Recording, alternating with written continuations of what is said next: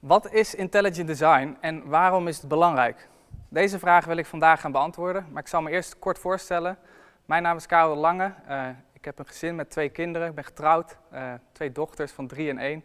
En ik ben een christen, maar ik ben niet altijd een christen geweest.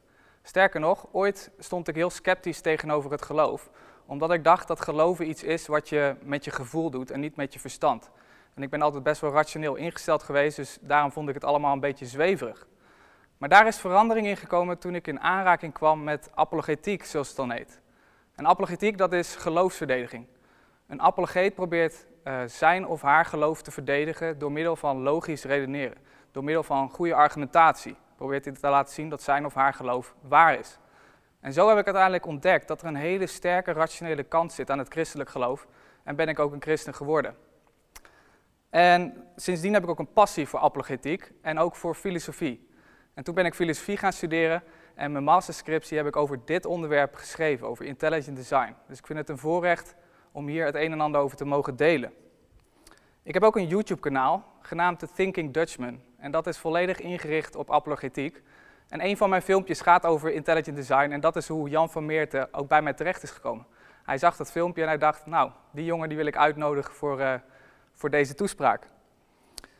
Het idee van intelligent design is een idee wat eigenlijk al heel lang bestaat. Het is geen nieuw idee. Het idee dat we zijn ontworpen, dat het universum en het leven uh, tekenen vertoont van ontwerp.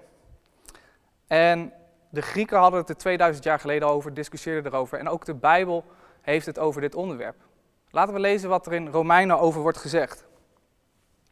Romeinen 1, vers 20. God is wel onzichtbaar, maar uit alles wat hij geschapen heeft blijken zijn eeuwige kracht en goddelijkheid. Want sinds het ontstaan van de wereld is zijn bestaan duidelijk te herkennen uit wat hij gemaakt heeft.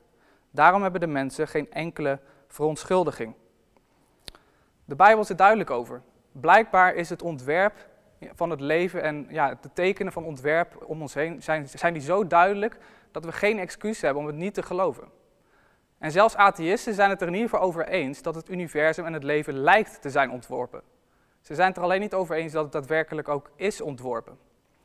En Charles Darwin die dacht ook zo, dat het leven alleen lijkt te zijn ontworpen, maar niet echt is ontworpen. Ook al bestond het idee van evolutie al ver voordat hij was geboren, hij kwam met uitgebreid onderzoek om aan te tonen dat eh, evolutie heeft plaatsgevonden. En kwam zo tot de conclusie dat ja, het leven het resultaat is van een lang en willekeurig evolutionair proces. Maar ook al kon Darwin de logica van evolutie uitleggen, hij kon niet aantonen dat het waar is, omdat hij geen werkend mechanisme had. Er was nog geen kennis van genetica, van DNA, van willekeurige mutaties, dus hij kon niet aantonen dat zijn theorie ook echt waar is. Ondertussen zijn we 150 jaar verder en is er, ja, kun je wel zijn theorie testen. En de moderne wetenschap in combinatie met Darwins theorie wordt ook wel neo-Darwinisme genoemd. Neo-Darwinisme is het idee dat natuurlijke selectie en willekeurige mutaties die opereren op variaties in levende wezens alle complexiteit van het biologische leven kunnen verklaren. Zo'n 80 tot 90 procent van de wetenschappers hangen een vorm van neo-Darwinisme aan. Die denken dat willekeurige mutaties, natuurlijke processen, eh, de complexiteit van het leven kunnen verklaren. Maar er zijn ook wetenschappers die tot een totaal andere conclusie komen. En deze wetenschappers worden het best vertegenwoordigd door wetenschappers binnen het Discovery Institute in de Verenigde Staten. En ze noemen hun theorie intelligent design. Nou, wat is intelligent design? Oh. Verder?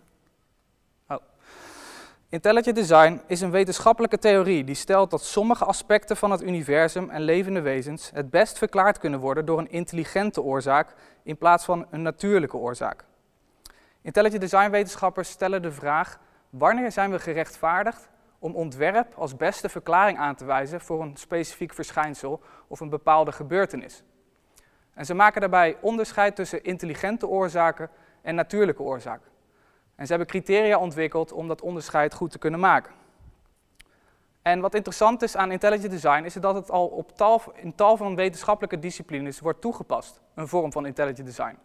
Denk aan archeologie, cryptografie of het SETI-project, waarbij er op zoek wordt gegaan naar buitenaars leven, of de forensische wetenschap.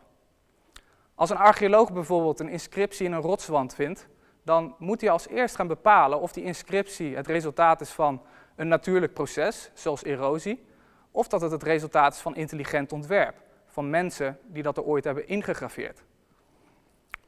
En wat belangrijk is om te vermelden bij intelligent design, is dat het in essentie niet gaat over de identiteit van de intelligente oorzaak, maar alleen over de soort oorzaak. Het werk van een intelligent design wetenschapper zit erop als hij heeft aangetoond dat iets het resultaat is van ofwel ontwerp of van een natuurlijk proces.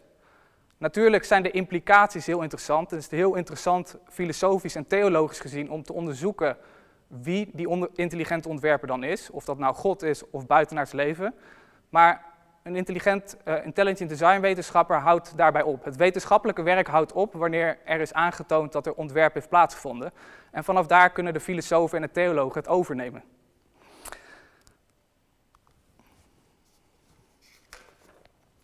Nou, hoe bepalen intelligent design onderzoekers nou of iets een natuurlijke of een intelligente oorzaak heeft? Nou, om dit te bepalen refereren ze naar twee criteria die wiskundige William Dembski heeft ontwikkeld. Hij heeft met grote precisie en detail twee criteria ontwikkeld om aan te tonen dat uh, een bepaald verschijnsel, dat, dat er sprake is van ontwerp. En hij heeft een boek geschreven genaamd The Design Inference. En daarin gaat hij heel erg diep in op deze twee criteria. Maar ik zal ze kort even toelichten. Het eerste criterium is dat het verschijnsel wat je probeert te verklaren, of de gebeurtenis die je probeert te verklaren, dat die zeer onwaarschijnlijk is. Dat het een zeer kleine kans is dat dat spontaan kan plaatsvinden. Het tweede criterium is dat het verschijnsel correspondeert aan een onafhankelijk gegeven patroon. En Dembski heeft dan een verklaarfilter ontwikkeld, uh, waarbij die uitgaat van drie kernverklaringen. Hij stelt dat, er, dat voor ieder verschijnsel, voor iedere gebeurtenis, je dat kan onderverdelen in drie kernverklaringen. En deze zijn regulariteit, kans of ontwerp. Laten we even kijken naar een voorbeeld om ja, duidelijk te maken wat Dembski hier precies mee bedoelt. Er is dus een filter en als je een verschijnsel tegenkomt, dan gooi je het als het ware door dat filter. En ik heb hier een voorbeeld. Stel dat je een digitaal document ontvangt met deze opeenvolging van tekens erin. En je wil je afvragen of dit het resultaat is van regulariteit, oftewel een of ander natuurlijk uh, mechanisch proces wat gewoon uh, ja, volgens een bepaald deterministische manier moet hebben plaatsgevonden. Of dat het resultaat is van kans, of dat het resultaat is van ontwerp. En wat gelijk opvalt bij deze opeenvolging van tekens, is dat er geen fysieke noodzakelijkheid is dat precies deze opeenvolging uh, moet worden gemaakt. Dus het is in ieder geval geen regulariteit. En dan gaan we naar de volgende vraag. Is dit misschien het resultaat van kans? En hoe groot is de kans dat precies deze opeenvolging van tekens ontstaat? Nou, je komt er al gauw achter dat het een extreem kleine kans is dat je precies deze opeenvolging van tekens krijgt. Op een toetsenbord zijn ongeveer 50 verschillende tekens. Dus dat betekent dat je bij elke stap ongeveer 1 vijftigste kans hebt dat je precies een bepaald teken krijgt. En als je dan deze opeenvolging van tekens hebt, het zijn precies 100 tekens, dan moet je 1 vijftigste tot de macht 100 doen. Dat betekent dat je 1 vijftigste keer 1 vijftigste keer 1 vijftigste, en dat 100 keer moet je dat, moet je dat vermenigvuldigen, totdat je een antwoord krijgt. En dat is een astronomisch kleine kans. Maar toch zullen we dit niet aan ontwerp toeschrijven. En dat is omdat deze opeenvolging van tekens, dit verschijnsel, alleen maar voldoet aan het eerste criterium. Het verschijnsel is zeer onwaarschijnlijk. Maar het voldoet, niet aan een onafhankelijk gegeven patroon. Er is geen logica, geen coherentie in de opeenvolging van tekens. Maar wat nou als we dit voorbeeld hebben? Wederom een opeenvolging van 100 tekens. Dus de kans dat precies deze opeenvolging ontstaat is net zo groot als bij het vorige voorbeeld. Dit voorbeeld is dus dat. Uh, even kijken, waar was ik? Um, deze tekst correspondeert aan een onafhankelijk gegeven dus het is het resultaat van ontwerp. En intuïtief weten we eigenlijk al dat dit het resultaat van ontwerp. We hoeven er niet over na te denken. En dat is omdat we hier een onafhankelijk gegeven patroon in zien. En wat is dat nou, een onafhankelijk gegeven patroon? Nou, dat houdt in dat alle individuele onderdelen van een verschijnsel bijdragen aan hetzelfde doel. De opeenvolging van tekens is, zoals intelligent design wetenschappers dat ook noemen, functioneel coherent. Dat betekent dat de letters precies in de juiste volgorde staan om een betekenisvol woord te creëren. En de woorden staan precies in de juiste volgorde om een betekenisvolle zin te creëren. En het doel van deze specifieke zin is om te laten zien wat een onafhankelijk gegeven patroon is. En als we dus de criteria van Dembski hierop losgooien, dan komen we tot de conclusie dat het en zeer onwaarschijnlijk is dat het verschijnsel uh, spontaan kan ontstaan als gevolg van een willekeurig proces, en dat het verschijnsel correspondeert aan een onafhankelijk gegeven patroon. Dus we kunnen de conclusie trekken dat dit het resultaat is van ontwerp. En wat opmerkelijk is aan de criteria van Dembski, is dat hij niet alleen laat zien uh, hoe, je kan, hoe je kan aantonen wanneer iets het gevolg is van intelligent ontwerp, maar dat hij eigenlijk ook wel een goede definitie heeft ontworpen van wat informatie in essentie is. Want denk maar eens na wat informatie is. Als iemand aan mij vraagt om, een, uh, om op één A4'tje een stuk tekst te schrijven, dan weet ik dat daar potentieel heel veel informatie is. En dat is omdat uh, ik veel verschillende mogelijkheden heb om letters te combineren tot woorden en woorden te combineren tot zinnen. Het is extreem onwaarschijnlijk dat ik daar uh, een bepaalde combinatie van tekens uit vorm. Dus informatie is in essentie een vorm van onwaarschijnlijkheid, een vorm van het eerste criterium. Maar dat is niet alles wat informatie is. Als ik een pagina volschrijf met voorbeeld 1 bijvoorbeeld, dan zullen we het er allemaal over eens zijn dat dit geen informatie is. Het is pas als het voldoet aan een onafhankelijk gegeven patroon, als het geheel functioneel coherent is en bijdraagt aan een hoger doel, pas dan kunnen we spreken van informatie. Dus informatie is eigenlijk een combinatie van onwaarschijnlijkheid en functionaliteit. En deze theorie van intelligent design die wordt pas controversieel als het in de biologie wordt toegepast. Het wordt natuurlijk in tal van wetenschappelijke disciplines al toegepast, zoals uh, archeologie, wat ik net heb genoemd. Uh, maar als je het in de biologie toepast, dan pas uh, wordt het controversieel vanwege de implicaties. Maar toch hebben intelligent design wetenschappers het wel toegepast in de biologie en ze hebben bijzondere dingen ontdekt. Laat me een voorbeeld geven aan de hand van DNA. Wetenschappers hebben ontdekt dat DNA vol zit met informatie. DNA is een bundel van nucleotiden. En een nucleotide bestaat uit drie verschillende onderdelen. Uit een fosfaatgroep, een suikergroep en een nucleobase. Zoals je ziet zijn de fosfaat- en suikergroepen met elkaar chemisch verbonden en dat vormt als het ware de ruggengraat van het DNA. En de nucleobase, dat is het interessante stukje van DNA. Want er zijn vier verschillende nucleobasen. Je hebt adenine, thymine, guanine en cytosine. En de volgorde van deze nucleobasen in het DNA zijn volkomen vrij invulbaar. Je zou kunnen zeggen dat er potentieel heel veel informatie hierin geformuleerd kan worden. Je kunt het vergelijken met een stuk tekst. En daarom noemen wetenschappers DNA ook wel een hele lange code. En hoe lang is die code van het DNA precies? Als we kijken naar mensen bijvoorbeeld. Nou, het menselijk DNA bestaat uit 3 miljard, ongeveer 3 miljard nucleobasen. Die allemaal in de juiste volgorde moeten zijn om een uh, ja, levensvatbaar uh, organisme te krijgen. En intelligent design wetenschappers zijn tot de conclusie gekomen dat de generatie van nieuwe informatie, nieuwe genetische informatie, niet het resultaat kan zijn van willekeurige uh, evolutionaire processen, maar het resultaat moet zijn van ontwerp. Steven Meyer, een van de prominente figuren in de intelligent design beweging, legt in het volgende filmpje goed uit uh, hoe uh, de informatie in het DNA wijst naar een intelligente ontwerper. Kijk met me mee. Stephen Meyer, author of the New York Times bestseller Darwin's Doubt, explains. According to neo Darwinism, new genetic information arises as a result of random mutations in the arrangement of the nucleotide bases along the spine of the DNA molecule. If those random changes are beneficial, they're passed on and preserved. And if many such changes are preserved and passed on, they would accumulate over time and eventually result in a very significant change in the morphology, the form of the organism. That's like saying if this game had glitches every time it was copied online, and gamers shared their favorite mutated versions and trashed the rest, it would eventually turn into this. Come on, really? If we know the computer glitches won't produce a new video game, How much sense does it make to believe that glitches, copying errors, and our DNA code can produce new organisms? Could random mutations in DNA really produce this? This? This? What about this? This? This? This? This? This? This? Or this? Everything we know about software shows that random changes in a section of functional code or functional information is going to degrade that information long before you ever get to something fundamentally new. And that's the problem with the mutation selection mechanism as an explanation for new genetic information. Information in DNA is also essentially typographic or digital. And there are far more ways to go wrong in arranging those characters than there are ways to go right. And so as you begin to randomly change them, you inevitably fall into a non-functional abyss long before you ever generate anything fundamentally new.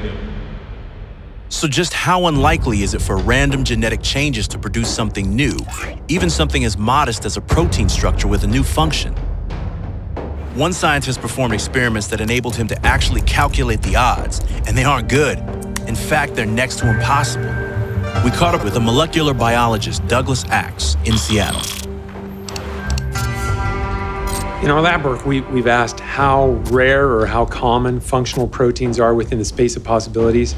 Doing experiments and calculations, we found that they're exceedingly rare, like 1 in 10 to the 74th power rare. To get a feel for those odds, imagine that somebody hid one atom somewhere within the Milky Way galaxy, and you, blindfolded by chance, are supposed to pick one atom and hope that it's the right one. Ja, wat wetenschapper Douglas X heeft aangetoond, is dat uh, DNA net als een stuk tekst is. Uh, je krijgt veel eerder informatieverlies dan informatiewinst. Als jij een stuk tekst gewoon willekeurige letters gaat vervangen, of letters gaat toevoegen of ervan af gaat halen, dan is de kans natuurlijk veel groter dat je iets kapot maakt in de bestaande informatie dan dat je iets toevoegt. En dat is wat Douglas X heeft aangetoond. Dat zelfs bij de kleinste evolutionaire innovatie, dus bij de generatie van een nieuw functioneel eiwit, dan is er een kans van 1 op 10 tot de macht 77 of 74, in ieder geval een astronomisch kleine kans, dat, uh, dat er een functioneel eiwit ontstaat. Een niet-functioneel eiwit of een niet-functionele combinatie is veel waarschijnlijker. En hieruit blijkt dat natuurlijke selectie niet goed is in het genereren van informatie, dat blijkt hieruit, maar alleen goed is in het preserveren van informatie. En daarin zien we dus dat het probleem voor neodarwinisme ontzettend groot is. En de conclusie die intelligent design wetenschappers trekken op basis van de criteria van Dembski, als ze het toepassen op eh, de generatie van nieuwe informatie in het DNA, is dat ontwerp de beste verklaring is. We komen nu bij de volgende vraag. Is intelligent design wetenschappelijk? Over heel de wereld is er een consensus dat intelligent design niet wetenschappelijk is. En in Nederland is dat niet anders. Wikipedia noemt het zelfs een pseudo-wetenschappelijke opvatting. En zelfs natuurkundige Kees Dekker, die ooit een voorvechter was van de intelligent design beweging, die is gezwicht voor de consensus en denkt er nu heel anders over. Hij zegt het volgende. Ik heb wat intelligent design betreft een evolutie doorgemaakt. Wat ik in de biologie interessant vind, is de vraag wat leven is. En intelligent design trok me aan omdat het een antwoord wilde geven op de vraag hoe je de complexiteit kwantificeert van DNA, eiwitten, cellen en van ingewikkelder biologische systemen. Maar als wetenschappelijk programma faalt het. Ik ben erin teleurgesteld. Intelligent design had de pretentie objectieve wetenschap te bieden, maar het heeft die pretentie niet waargemaakt. Ter voorbereiding van dit stuk zocht ik naar relevante artikelen en nieuwsberichten over hoe er in Nederland wordt gekeken naar intelligent design. En tot mijn verbazing vond ik dat in de afgelopen 16 jaar er bijna niks over in het nieuws of, of ja, eh, in de media terecht is gekomen. Alsof het voorkomen van de radar is verdwenen. Alsof het niet meer relevant is. En ik dacht bij mezelf, waarom is dat eigenlijk? Nou, ik denk dat het te maken heeft met een rechtszaak die 16 jaar geleden heeft plaatsgevonden in de Verenigde Staten, in Dover. Er waren ouders van kinderen die op een school zaten en op die school uh, werd intelligent design naast neodarwinisme onderwezen. En die ouders hebben een rechtszaak aangespannen omdat ze in de overtuiging waren dat intelligent design een religie is, vermomd als wetenschap en dat dat dus niet mag worden onderwezen. En de rechter in Dover heeft de ouders gelijk gegeven.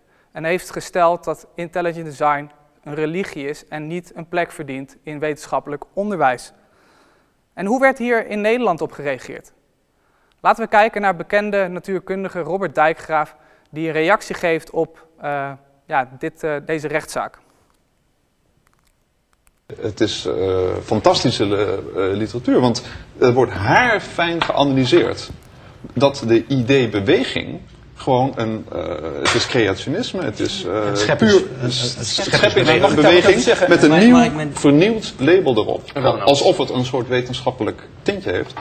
Uh, die rechter die analyseert dat haar fijn, die maakt geen enkele uitspraak over de evolutietheorie, maar de beweging, de idee-beweging, wordt neergezet als een puur religieuze beweging. En ja. dat vind ik toch een heel belangrijk signaal. Zeker van ja, de rechtse, van twee, of je zegt, ja, Robert Dijkgraaf geeft eigenlijk woorden aan de wetenschappelijke consensus die er is over intelligent design.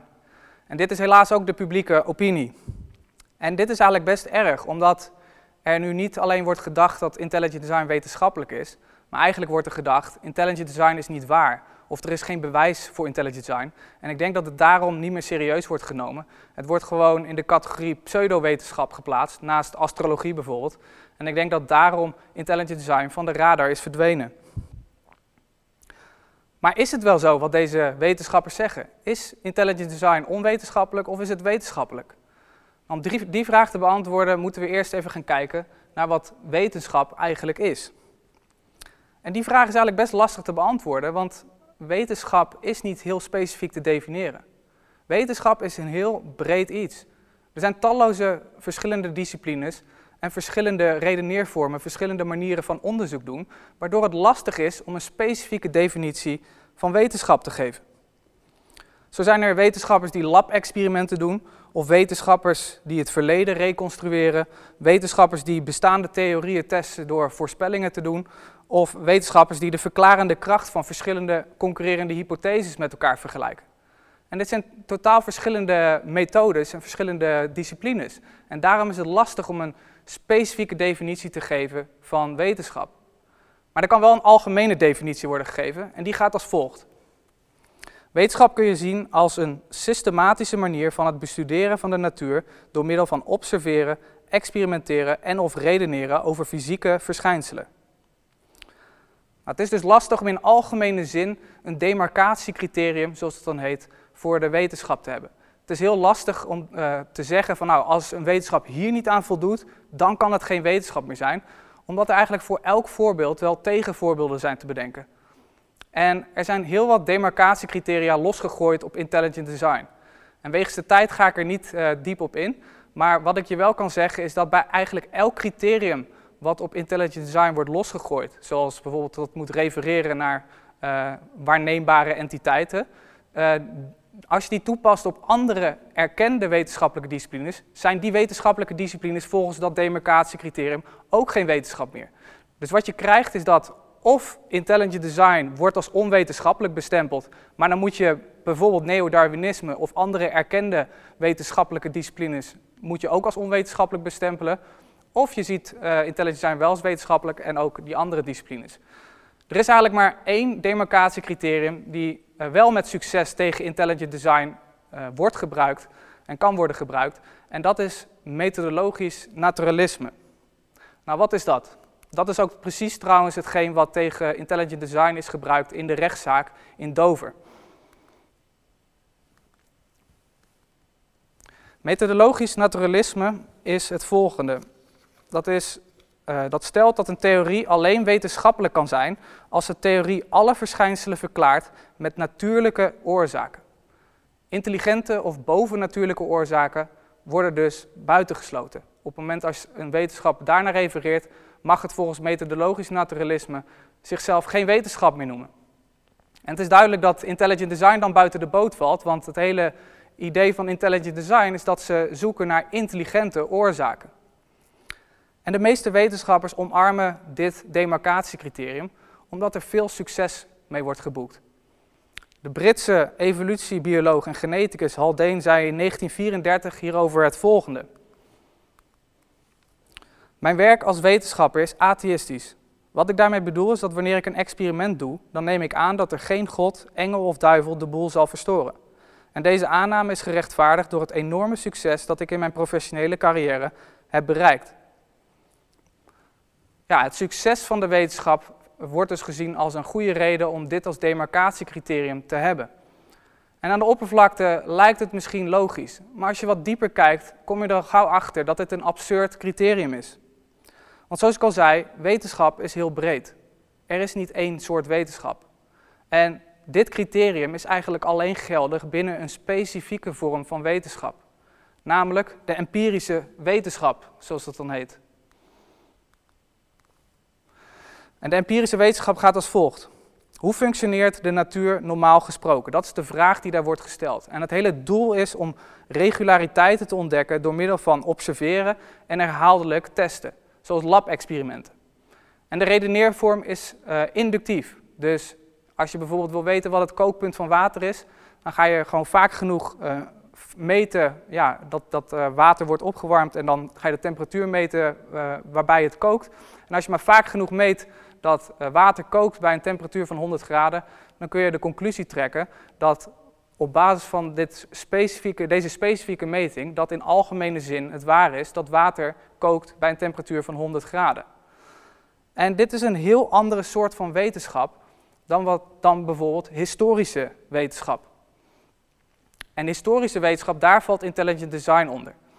En historische wetenschap, daar is het doel niet om regulariteiten te ontdekken, maar daar zijn wetenschappers geïnteresseerd in specifieke gebeurtenissen.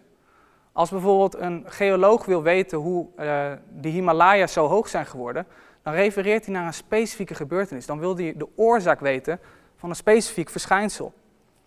Of als forensische wetenschappers willen weten wie een bepaalde moord heeft gepleegd, dan kunnen ze die moord niet eh, honderd keer nog in het lab uitvoeren om zo tot een conclusie te komen. Nee, dan moeten ze op basis van uh, de feiten die ze hebben verzameld omtrent de moord tot een verklaring komen die het best alle feiten kan verklaren. En dat is een hele andere vorm van wetenschap bedrijven. De primaire redeneervorm is hierin niet inductief, maar abductief. En dat betekent dat je concurrerende uh, hypotheses met elkaar vergelijkt en dat je zoveel mogelijk feiten omtrent de, hetgeen wat je probeert te verklaren verzamelt. En dan uh, uiteindelijk tot de beste verklaring wil komen, die de feiten het beste verklaart. En dat is een hele andere vorm van wetenschap. En het wordt al gauw duidelijk dat methodologisch naturalisme een absurd criterium is om toe te passen bij historische wetenschap. Moet je voorstellen dat een forensische wetenschapper zegt, als, als die een dood iemand aantreft en dan moet onderzoeken waarom die dood is, dat hij zegt van nou, er moet hier een natuurlijke oorzaak voor zijn. Het mag niet zo zijn dat er een moord is gepleegd, dus we gaan nu alleen maar zoeken naar natuurlijke oorzaken. Uh, misschien is hij wel doodgegaan door een ziekte of een natuurramp of wat dan ook, maar het mag niet zo zijn dat hij vermoord is. Ja, dan zou iedereen hem voor gek verklaren, omdat er geen enkele reden is om intelligente oorzaken buiten beschouwing te laten. Je moet gewoon openstaan voor iedere potentiële verklaring. En daarom faalt methodologisch naturalisme als een goed criterium bij historische wetenschap. En uh, een belangrijk principe in de historische wetenschap is het principe van uniformiteit. En dat betekent dat, ze, dat je ervan uit moet gaan dat de oorzaak- en gevolgrelaties die in het heden geldig zijn, dat die vroeger ook hebben gegolden, dat die stabiel zijn. En zo is Charles Lyell tot de volgende uitspraak gekomen. Dus een geoloog en die zei, het heden is de sleutel naar het verleden. En dat betekent dat door de kennis die je hebt verzameld over het heden, over de oorzaak- en gevolgrelaties uh, ja, die je hebt ontdekt, kun je conclusies trekken over specifieke gebeurtenissen uit het verleden. En wat opvalt is dat intelligent design wetenschappers een methodiek hebben die naadloos aansluit op de methodiek van historische wetenschap. Zij proberen allereerst concurrerende hypotheses met elkaar te vergelijken. In dit geval neo-Darwinistische modellen met intelligent design modellen. En dan proberen ze op basis van de kennis die we uit het heden hebben over oorzaak- en gevolgrelaties, conclusies te trekken over hoe bijvoorbeeld uh, informatie uh, in het DNA is ontstaan. En wat zij kunnen achterhalen vanuit het heden is dat de generatie van nieuwe informatie altijd voortkomt uit een intelligente bron. Dat is wat we altijd zien gebeuren. We hebben nog nooit gezien dat informatie gecreëerd kan worden door middel van een natuurlijk proces. Dus intelligent design wetenschappers trekken de conclusie dat als de generatie van informatie in het heden altijd uit een intelligente bron komt, dan is dat in het verleden hetzelfde. En zo trekken ze uiteindelijk de conclusie dat intelligent ontwerp de beste verklaring is voor het ontstaan van nieuwe genetische informatie. En de conclusie die we nu kunnen trekken is dat intelligent design wel wetenschappelijk is. Het is een historische wetenschap en methodologisch naturalisme is geen geldig criterium binnen deze wetenschap. En dan nu, waarom is het eigenlijk belangrijk om je bezig te houden met intelligent design? En waarom is de wetenschappelijkheid van intelligent design belangrijk? Want eigenlijk is dat niet de relevante vraag. De vraag zou moeten zijn, is intelligent design waar? En zijn er goede redenen voor om te geloven dat het waar is? En dat zou ook eigenlijk het doel van de wetenschap moeten zijn, waarheidsvinding. Maar helaas is dat niet het geval en wordt een theorie al gauw niet meer serieus genomen als het uh, als een pseudowetenschap wordt bestempeld. En daarom is het toch belangrijk om te laten zien dat intelligent design wel wetenschappelijk is. Sean Carroll is een, uh, uh, een naturalist, een atheïst, die, die, die ook een wetenschapper is, die heeft hier eigenlijk wel iets moois over gezegd. Hij zegt het volgende. Wetenschap zou geïnteresseerd moeten zijn in het ontdekken van de waarheid. Wat die waarheid ook is. Natuurlijk, bovennatuurlijk of iets anders. Het idee van methodologisch naturalisme, ook al wordt het met de beste intenties geïmplementeerd, gaat nergens anders over dan het op voorhand aannemen van het antwoord. Als het vinden van de waarheid ons doel is, dan is dit de grootste fout die we kunnen maken. Waarheidsvinding zou het doel moeten zijn van de wetenschap. En dat betekent dat uh, methodologisch naturalisme een slecht criterium is, omdat je zo goede mogelijke antwoorden op uh, complexe vragen ja, uitsluit zonder reden. Volgende reden waarom het belangrijk is. Intelligent design en neo-Darwinisme hebben enorme filosofische en theologische implicaties. Neo-Darwinisme die heeft onterecht een verhoogde status gekregen. Neo-Darwinisme wordt namelijk gezien als een neutrale, rationele wetenschap. En intelligent design wordt gezien als een religie, vermomd als wetenschap, als iets fundamenteel irrationeels. En een van de redenen waarom intelligent design als een religie wordt gezien, is vanwege de heftige filosofische en theologische implicaties. Want laten we eerlijk zijn, als het leven het resultaat is van ontwerp, dan zijn we hier allemaal voor een reden. Dan is er een reden om te geloven dat er een God, God is die ons heeft bedoeld en gemaakt voor een reden. En dat is ook een reden voor wetenschappers om te stellen dat het een religie is. Maar als je erover nadenkt, is het best wel absurd. Want om een theorie te bestempelen als een religie of wetenschap, moet je niet kijken naar de implicaties van een theorie, maar naar de bewijsvoering. De implicaties zijn eigenlijk irrelevant in wetenschappelijke zin. Je moet gewoon puur kijken naar het bewijs en naar de, ja, de manier waarop dat bewijs is vergaard. En als de implicaties dan toch belangrijk zijn, ja, dan zouden wetenschappers ook consequent moeten zijn. Want neo-Darwinisme zou dan ook als een religie kunnen worden bestempeld, omdat het ook hele heftige filosofische en theologische implicaties heeft. Want als het neo-Darwinisme waar is, dan zijn we het resultaat van een lang en willekeurig evolutionair proces. Er is er geen reden voor ons leven. Dan zijn we een kosmisch ongeluk, wat best wel heftig is. De conclusie is dat de, het gevolg van de verhoogde status van het neo-Darwinisme ervoor zorgt dat meer en meer mensen een materialistisch en nihilistisch wereldbeeld aanhangen. En door intelligent design op de kaart te zetten, kunnen we mensen openstellen voor een ander wereldbeeld. Een betekenisvol theïstisch wereldbeeld, waarin er wel een doel is aan ons leven. Daarom is het ook belangrijk. En tot slot, intelligent design geeft ons christenen de juiste apologetische focus. Ik heb vaak genoeg meegemaakt dat als christenen met ongelovigen discussiëren over evolutie of intelligent design, dat er al gauw langs elkaar heen wordt gesproken, omdat de wereldbeelden zo ver uit elkaar staan. En ook omdat de term evolutie behoorlijk ambigu is. Evolutie kan een van deze drie dingen betekenen. Allereerst het proces van verandering van levende wezens. Ten tweede de theorie van gemeenschappelijke afstamming. En tot slot het mechanisme achter evolutionaire verandering. En daar heb ik het voornamelijk over gehad. Daar gaat intelligent design over. Over het mechanisme. Is er een natuurlijk mechanisme wat alle complexiteit kan verklaren? Of moet het het resultaat zijn van ontwerp? En wat ik heb ontdekt is dat eigenlijk die eerste twee definities van evolutie heel interessant zijn om over te discussiëren van hoe dat nou precies zit en hoe dat valt te rijmen met de Bijbel. Maar dat de kern is toch echt punt drie. Zijn wij het resultaat van ontwerp of zijn we een kosmisch ongeluk? En ik geloof ook dat het scheppingsverhaal in Genesis over deze kern gaat. Ik geloof niet dat God ons verplicht om, uh, om een bepaalde interpretatie aan te hangen dat de aarde uh, eh, 6000 jaar oud is of dat hij misschien miljarden jaren oud is. Dat de essentie van het Bijbelverhaal niet is hoe God de dingen heeft gedaan, maar de essentie van het scheppingsverhaal is dat God alles heeft gemaakt. Dat God de oorsprong is van alles wat er bestaat. En dat we dus geen kosmisch ongeluk zijn. En ik denk dat als we hier de focus op leggen en uh, zo met ongelovigen gaan praten, dat we en een sterkere case kunnen maken en uh, vruchtbaarder gesprek kunnen voeren. Om zo dus meer mensen te kunnen winnen voor het evangelie. Dus daarom denk ik ook dat intelligent design belangrijk is, omdat intelligent design ook precies deze focus heeft. Zijn we nu bij de conclusie? Wat is intelligent design en waarom is het belangrijk? Intelligent design is een wetenschappelijke theorie die stelt dat sommige aspecten van het universum en levende wezens het best verklaard kunnen worden door een intelligente oorzaak in plaats van een natuurlijke oorzaak. 150 jaar lang hebben wetenschappers gesteld dat kans en noodzakelijkheid alle complexiteit van het leven kan verklaren. Niet alleen is het een nihilistisch wereldbeeld, ook is het een irrationeel wereldbeeld. En intelligent design brengt dat aan het licht. En daarom is het belangrijk. Het laat zien dat we wel het resultaat zijn van ontworp. Dat er een reden is voor ons bestaan en dat er goede argumenten voor zijn. En ik ben ervan overtuigd dat het ook een grote impact kan hebben. Dus de vraag, is intelligent design wetenschap of is het een religie? Dat zijn eigenlijk niet de relevante vragen. De belangrijke vraag is, is intelligent design waar? En zijn er goede argumenten voor? En als het waar is, wat voor implicaties heeft het dan? Ik geloof dat als we in Nederland serieus gaan openstaan voor de antwoorden op die vragen, dat het een enorme en belangrijke impact zal hebben.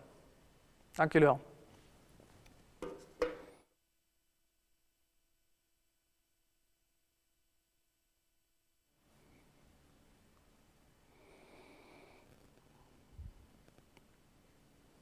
Hij is hem even aan het openen.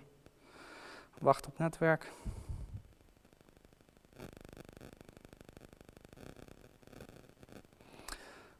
Oké, vragen. Wie bepaalt er of iets wel of niet een onafhankelijk gegeven patroon is? Je kunt immers overal patronen inzien. Ja, dat is een goede vraag. Uh, er is een, inderdaad een uh, gevaar dat je arbitrair een patroon ergens in gaat zien. Uh, goed voorbeeld is, stel dat een, een boogschutter op een muur een eh, aantal keer gaat schieten met pijl en boog. En, die pijl die komt op allerlei verschillende plekken op die muur. En je gaat dan na de hand ga je een bullseye tekenen. En dan zeg je van kijk eens, die, die boogschutter is echt heel goed, want hij schiet de tijd precies in de bullseye. Uh, dat is natuurlijk een beetje na de hand een gegeven patroon erin zien, terwijl dat niet echt een patroon is. Uh, maar de oplossing hiervoor is of je ook iets kan bedenken dat het een onafhankelijk gegeven patroon is. Wat nou bijvoorbeeld als de boogschutter een stuk of tien pijlen schiet en ze komen allemaal exact op dezelfde plek in de muur. Dan kun je ook na de hand een bullseye tekenen, maar tegelijkertijd kun je de conclusie trekken dat de boogschutter wel veel vaardigheden heeft. Waarom? Omdat je een onafhankelijk gegeven patroon ziet. Je ziet dat, uh, dat de pijlen allemaal op dezelfde plek komen en daaruit kun je afleiden dat dat, dat niet het gevolg is van kans. Dat is een, dat, daar zit een doelmatigheid in. Blijkbaar had de boogschutter het doel om de pijlen precies op dezelfde plek te schieten. Dus als je makkelijk een doel kan beschrijven uh, op basis van een verschijnsel wat je ziet, in dit geval een boogschutter die tien keer op dezelfde plek schiet, ben je gerechtvaardigd om de conclusie te trekken dat de boogschutter waarschijnlijk wel veel vaardigheden heeft en dat het dus het resultaat is van ontwerp en niet van kans. Uh, volgende vraag. Criteria van Dembski zijn overigens gebaseerd op een controversieel en niet geaccepteerd model, waarbij de tweede wet van thermodynamica verkeerd wordt geïnterpreteerd. Uh, die snap ik niet. Methodologisch naturalisme is vooral een praktisch principe, omdat natuurlijke oorzaken de enige zijn die we kunnen verifiëren. Boven, bovennatuurlijke verklaringen zijn met de huidige methodes onbewijsbaar. Ja, nogmaals, intelligent design is niet geïnteresseerd in de identiteit van de oorzaak. Voor hetzelfde geld is de intelligente oorzaak buitenaards leven. Het kan ook een fysieke oorzaak zijn, maar dan alsnog een intelligente oorzaak. En dat is wat het ook wetenschappelijk maakt. Uh, of iets bovennatuurlijk is of niet, dat is een filosofisch of theologisch vraagstuk. En ik denk dat methodologisch naturalisme geen goed criterium kan zijn om intelligente oorzaken op voorhand uit te sluiten, omdat je gewoon heel veel mogelijke goede verklaringen dan mist. Tot slot, geologen zijn ook geïnteresseerd in regulariteiten. En omwille daarvan moet je kennis vergaren over specifieke gebeurtenissen. Uh, ik zie geen vraag erin, maar ja, ik denk, uh, wat zal het zijn? Ja, die, ik zie daar geen vraag dus uh, ik denk dat, het, dat dit het is dan. Dank jullie wel.